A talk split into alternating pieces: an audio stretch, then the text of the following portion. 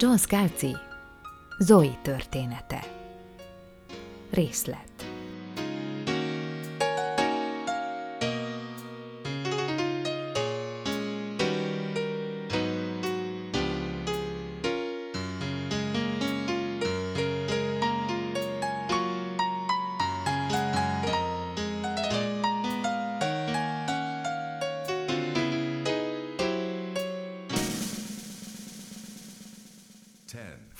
Felemeltem apu kommunikátorát, és együtt számoltam vissza a fedélzeten tomboló 2000 emberrel. Öt, négy, három, kettő, egy. Aztán elhalt a zaj, ahogy mindenki, de tényleg mindenki odatapadt a Magellán szabadidő fedélzetén szétszórt számtalan monitor valamelyikéhez. A képernyők, amelyeken korábban csak a csillagos űrt lehetett látni, most üresek voltak és feketék. Lélegzett visszafolytva figyeltünk, és vártuk, mi fog történni. Egy világ tűnt fel előttünk, zöld és kék, mi pedig örjöngve újongtunk, mert a mi világunk volt.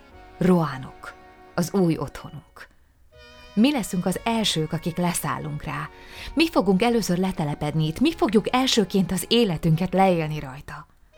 Örjöngve ünnepeltük hát leendő otthonunkat, mi, a Roánok 2000 telepese, összezsúfolódva a Magellán szabadidő fedélzetén, ölelgettük és csókolgattuk egymást, a gyertyafénykeringőt énekeltük, mert mi mást is énekelhetnél, ha egy új világra érkezel.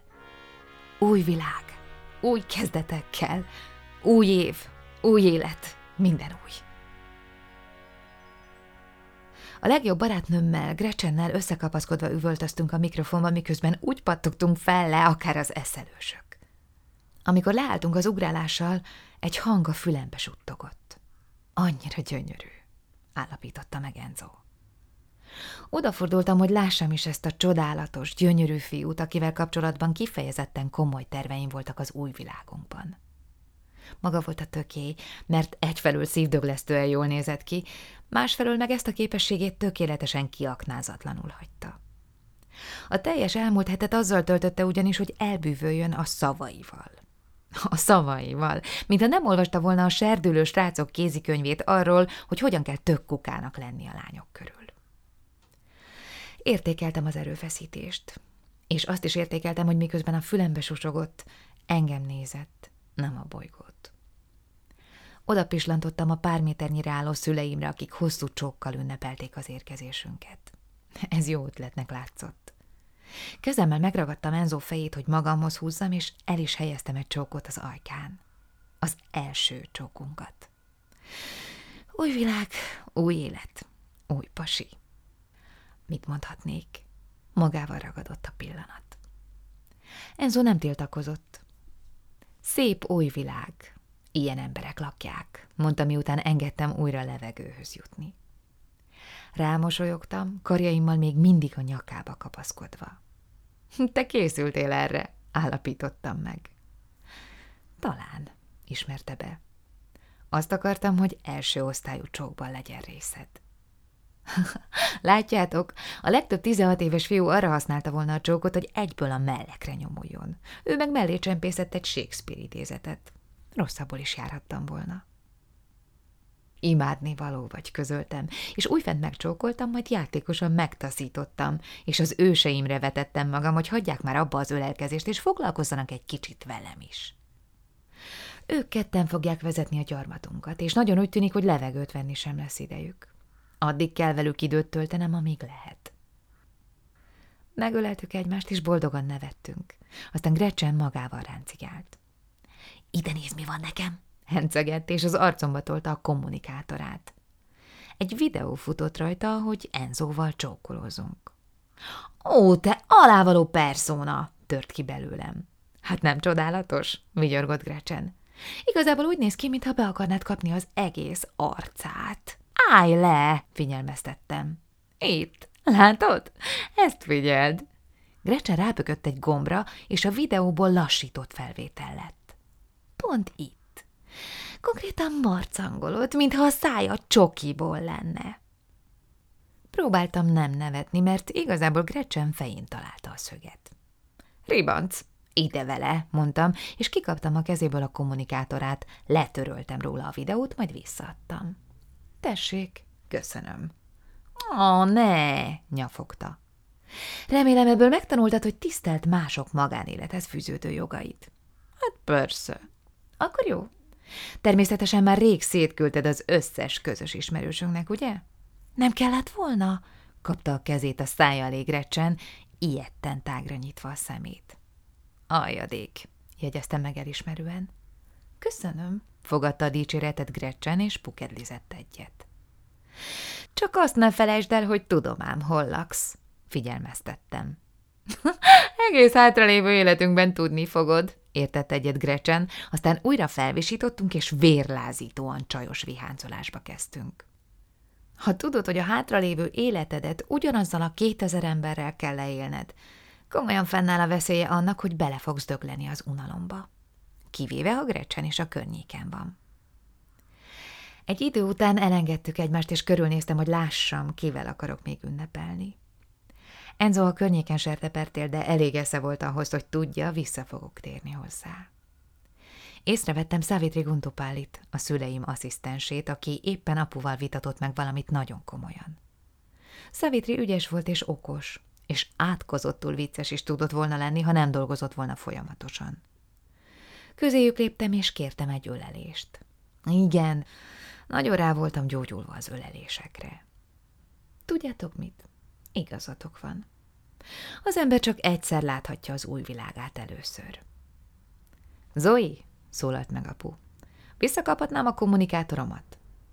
Az ugrás előtt ugyanis lenyúltam apu kommunikátorát, mert az pontosan mutatta az időt a Magellán ugrásáig, és az alapján számoltam vissza. Nekem is volt saját kommunikátorom a zsebemben. Biztos voltam abban, hogy a smárolós videó már ott várakozik a bejövő leveleim között, csak úgy, mint az összes barátoméban. Fel is véstem magamnak, hogy jó kis bosszút kell terveznem Gretchen ellen. Édes és könyörtelen bosszút, szemtanúkkal persze, és házi állatokkal. De előbb visszaadtam apunak a kommunikátorát, aztán kapott még egy puszit, és visszaromboltam Enzóhoz. Hát, bökte ki, és rám mosolygott. Istenem, még egy szótagosan is elbűvölő volt.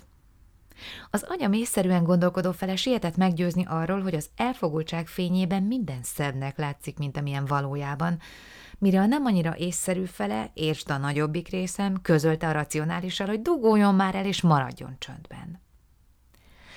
Hát, válaszoltam, persze közel sem olyan elbűvölően, de Enzo szemmel láthatóan nem vette észre. Beszélgettem Magdival. Ajaj, Magdi nem annyira rossz fej. Persze, de a nem annyira rossz bizonyos esetekben pontosan azt jelenti, hogy rossz. És azt mondta, hogy beszélt pár emberrel a Magellán személyzetéből. Ütötte tovább a vasat elbűvölően Enzo. Ők mondták, hogy van a legénységi szinten egy megfigyelő fedélzet, ami általában üres. Állítólag nagyszerű onnan a kilátás a bolygóra. Átpillantottam Enzo válla fölött Magdira, aki lelkesen beszélgetett Gretchennel, vagy inkább csak beszélt hozzá, attól függően, hogy honnan nézte az ember. Szerintem ő nem a bolygót szeretné tanulmányozni. Intettem a fejemmel feléjük. Enzo is oda nézett. Talán nem, de hogy tisztességesek legyünk Magdival, el kell ismerni, mások sem erőltetik meg magukat abban a tekintetben, hogy kerüljék a feltűnést. Összevontam a szemöldökömet. Bár igaza volt, de én azt is tudtam, hogy gretchen inkább csak a flörtölés érdekelte, nem a feltűnősködés. És veled? Mi a helyzet? Te mit szeretnél tanulmányozni? Enzo megadóan emelte fel a kezét. Zoe, még csak most jutottam el odáig, hogy megcsókoljalak. Azt hiszem, egy kicsit még elidőznék ezen a szinten, mielőtt tovább lépnék a következőre. Ó, de szépen mondtad. A többi lánynál is bejön ez a duma. Te vagy az első, akinél próbálkozom, úgyhogy neked kellene nyilatkoznod erről. Frankon elpirultam, és gyorsan megöleltem. Eddig tetszik, suktam a fülébe. Akkor jó. És tudod, láttam a testőreidet. Nem örülnék annak, ha rajtam kellene gyakorolniuk. Micsoda? kérdeztem tettetett felháborodással. Ugye te nem jól adtál be apacukától és fundalukától? Itt sincsenek. Valójában Enzo aggodalma abszolút megalapozott volt apacuka és fundaluka tekintetében, akik már is gyanakodva figyelték őt, és boldogan kihagyították volna egy légzsilipen, ha bármi ostobaságra vetemedne velem kapcsolatban. De úgy gondoltam, még nem időszerű, hogy ezt az orrára kössem. Ökölszabály, ha az új kapcsolatod még csak pár perces, nem teszed kockára fölöslegesen. Különben is. Apacuka és Fondaluka kihagyták a bulit, érezték, hogy az emberek feszültek lesznek tőlük. Én igazából a szüleidre gondoltam, bár most őket sem látom sehol, bökött a fejével abba az irányba, ahol pár perccel ezelőtt még John és Jane áldogáltak. Most egyikük sem volt ott.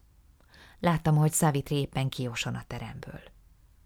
Hová mehettek? kérdeztem leginkább magamtól. Ők vezetik a gyarmatot, talán fontos dolguk akadt. Talán, értettem egyet kétkedve. Jellemzően se John, se Jane nem szokott úgy eltűnni, hogy előtte nem mondják meg nekem, hogy hová mennek. Ez az enemi jó modorhoz tartozik. Leküzdöttem a késztetést, hogy üzenetet küldjek nekik a kommunikátoromon. Akkor felmegyünk a megfigyelő fedélzetre? Tért vissza a témához Enzo. Van kedved megnézni? A legénységi szinten van. Nem lesz belőle zűr, ha oda megyünk? Talán. Mégis mit tudnak csinálni? Lehajítanak a hajóról. A legrosszabb, ami történhet, hogy elzavarnak bennünket, de addig is állati lesz a kilátás. Hát jó legyen, de ha Magdi barátod átmegy tapadó korongosba, én lelépek. Vannak dolgok, amiket nem szükséges látnom. Enzo felnevetett. Tisztességes feltétel, állapította meg, én meg belekaroltam. Ez az új élet, új pasi dolog egész jól működött. Ünnepeltünk még egy kicsit a barátainkkal és családunkkal, aztán, ahogy csillapodott a felfordulás, követtük Magdit és Grecsent a Magellán megfigyelő fedélzetére. Féltem, hogy a szolgálati helyre való beóvakodásunkból balhé lesz, de nem csak, hogy sima utunk volt, a legénység egyik tagja még az ajtót is tartotta nekünk, amikor kilépett onnan. Úgy látom, a biztonság nem nagyon aggasztja a népeket a Magellánon, szólt hátra Gretchen nekünk, aztán lepislantott az egymást fogó kezünkre, és rám mosolygott.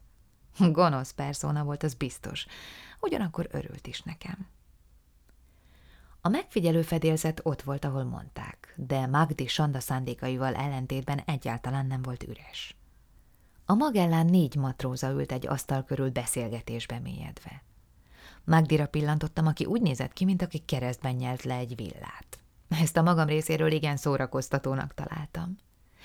Szegény, szegény Magdi. Egy merő csalódás az élete. Oda néz, mutatta Enzo, és a kezemnél fogva odahúzott a hatalmas megfigyelő ablakhoz. A roánok teljesen kitöltötte a látómezőt. A hátunk mögül sütő nap bevilágította csodálatos zöld felszínét. Hátborzongatóan szép volt így, sokkal szebb, mint a monitorokon keresztül nézve. Egészen más, ha a saját szemeddel látod. Ez volt a leggyönyörűbb dolog, amit valaha láttam. A roánok, a mi világunk. Rossz bolygó, kaptam el egy elfolytott hangot a szomszédasztal felől. Oda néztem.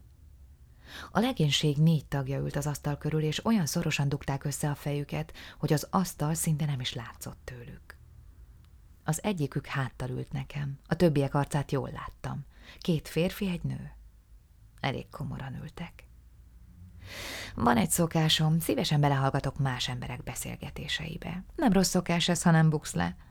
A lebukást úgy lehet elkerülni, ha úgy csinálsz, mint a valami egészen másra figyelnél. Elengedtem Enzo kezét, és a megfigyelő fedélzet hatalmas ablakához léptem. Ezzel közelebb kerültem a legénység asztalához, ugyanakkor kicsit eltávolodtam Enzótól, aki már nem tudott édes kis semmiségeket csuttogni a fülembe.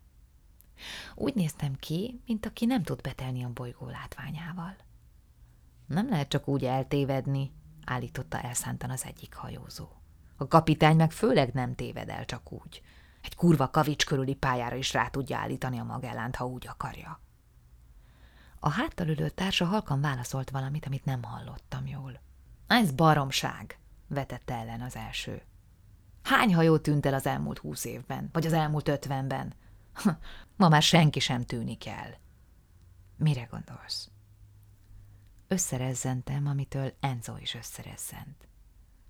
Bocsi, mondta, amikor megfordultam, és egy rosszalló tekintetet vetettem rá. Az ujjamat a szájára tettem, hogy elcsendesítsem, és a szememmel a hátam mögött álló asztal felé intettem. Mi az? kérdezte némán a szájával. Alig észrevehetően megráztam a fejemet, hogy jelezzem, ne zavarjon. Fura szemeket mereztet rám. Megint megfogtam a kezét, hogy érezze, nem haragudtam meg rá, de továbbra is a mögöttünk zajló beszélgetésre koncentráltam. Fő a nyugalom, még nem tudunk semmit, közölte egy női hang. Ki tud még erről? Újabb mormolás jött a háttal ülő hajózótól. Remek, akkor ez maradjon is így, felelte a nő. A saját részlegemet rendben tudom tartani, de ez csak akkor tud működni, ha mindannyian így teszünk. Attól még a legénység beszélni fog. Ez így van, de legalább lelassítjuk a plegykákat. És ennyi nagyjából elég is, ameddig ki nem derül, hogy voltak éppen mi is történt. Újabb folytott mormolás. Hát, ebben az esetben nem ez lesz a legnagyobb bajunk, nem igaz? mondta a nő, és tisztán hallhatóvá vált a hangjában a feszültség. Megborzongtam. Enzo megérezte a kezemen, és aggódva nézett rám. Szorosan átöleltem. Ettől persze lemaradtam a beszélgetés további részéről, de abban a pillanatban erre vágytam. Változik, hogy mi a fontos.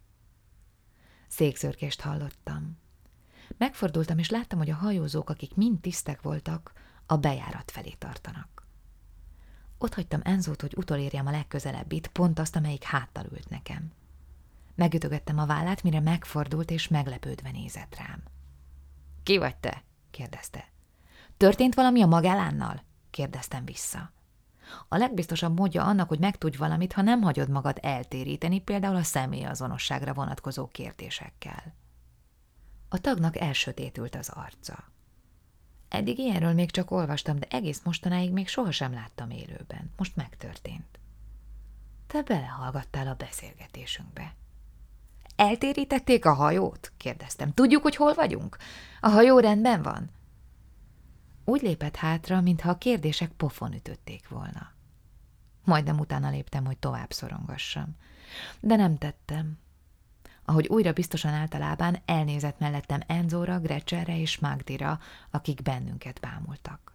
Akkor végre leesett neki, hogy kik is vagyunk tulajdonképpen, és kihúzta magát. Nektek, kölyköknek semmi keresni valótok itt. Tűnjetek el, mielőtt a biztonságiakkal hajítatlak ki benneteket. Menjetek vissza a többiekhez. Az a sarkon fordult, hogy elmenjen. Megint elé álltam. Uram, várjon! Egyszerűen kikerült, és szó nélkül kiment a csarnokból. Mi folyik itt? kérdezte Mágdi a csarnok másik feléből. Nem akarok balhét, csak mert te felbosszantottál valakit a személyzetből. Mágdira néztem, aztán újra az ablak felé fordultam. A rohanok még mindig ott pompázott, zölden és kéken. De valahogy már nem volt olyan csodaszép. Hirtelen idegen lett, és igencsak baljóslatú. Enzo átkarolta a vállam. Mi a Zoe? Csak bámultam kifelé az ablakon. Azt hiszem, eltévedtünk. Hogy mi van?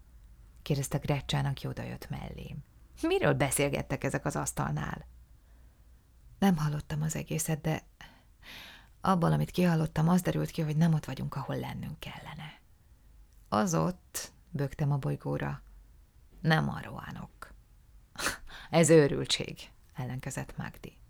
Hát persze, hogy őrültség, de az nem jelenti azt, hogy ne lehetne igaz. Előhúztam a kommunikátoromat, és aput hívtam. Nem válaszolt. Aztán anyut. Ő sem válaszolt. Grecsen, nem hívnád fel az édesapád? Grecsen apja is tagja volt a gyarmat tanácsadó testületének. Nem válaszol, mondta Grecsen egy perc hiába való próbálkozás után.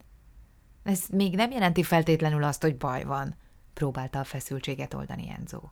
Épp most ugrottunk egy új rendszerbe, talán ezzel vannak elfoglalva.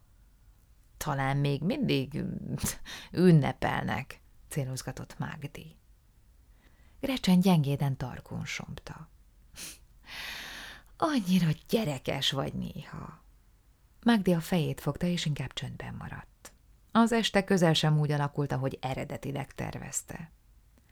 Gretchen hozzám fordult. Mit gondolsz, mit kéne csinálnunk? Fogalmam sincs. Azt mondták, megtiltják a legénységnek a locsogást, azaz a legénységből páran biztosan tudják, hogy mi történik. Előbb-utóbb a telepesek is tudni fogják. A telepesek már is neszét vették, jelentette Enzo. Mi is telepesek vagyunk. Elmondhatnánk valakinek, értett egyet Gretchen. Szerintem a szüleidnek és az apámnak tudnia kéne róla. A kommunikátoromra néztem. Szerintem már tudják. Erről meg is kéne bizonyosodni.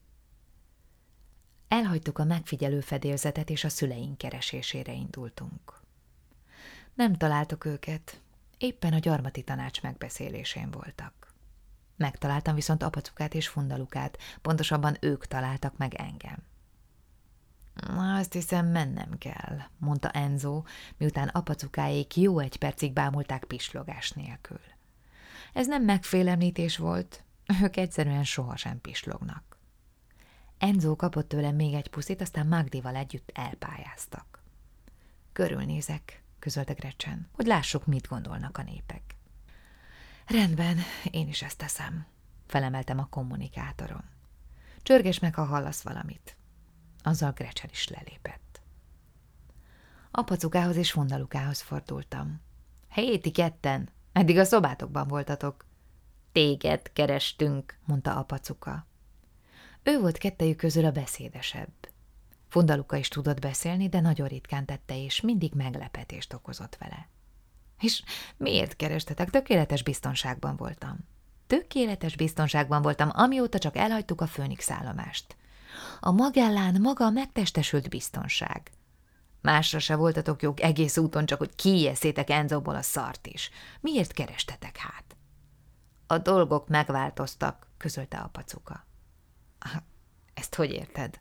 Kérdeztem, amikor felzümmögött a kommunikátorom. Gretchen volt az. Ez gyorsan ment, mondtam neki. Épp most találkoztam Mikával. El sem hinnéd, hogy mit mondott a bátyjának az egyik matróz. A felnőtt telepeseknek lehet, hogy fogalmuk sem volt semmiről, de a rohanuki tinik plegykagyára teljes gőzzel üzemelt. Az elkövetkező egy órában az alábbi tuti tippeket szedtük össze. Az ugrás során a Magellán túl közel került egy csillaghoz, és kirepültünk a galaxisból.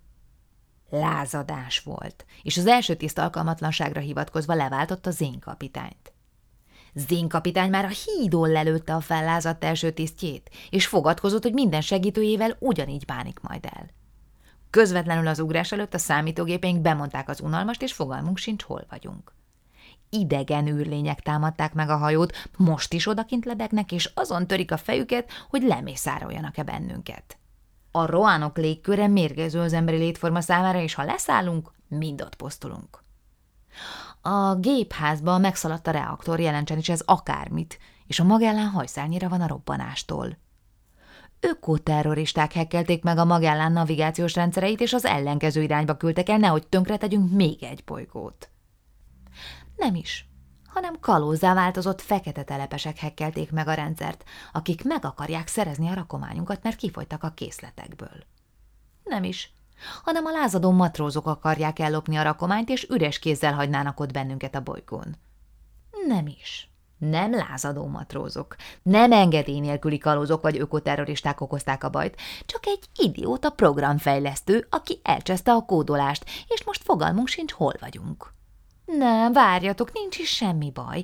Ez a normális bolygóhoz érkezési eljárás. Minden a legnagyobb rendben, úgyhogy ne zaklassátok a legénységet, inkább hagyjatok bennünket dolgozni a fenébe is. Egy dolgot azért leszögezek. Tökéletesen tisztában voltunk azzal, hogy a legtöbb duma sületlenség és észvesztő ostobaság. De a sületlenségek és észvesztő ostobaságok halmai alatt tisztán látszott, ahogy a zavar és a feszültség erőt vesz a magellán legénységén, és utána rajtunk. Valami történt. Valami, aminek nem lett volna szabad megtörténnie.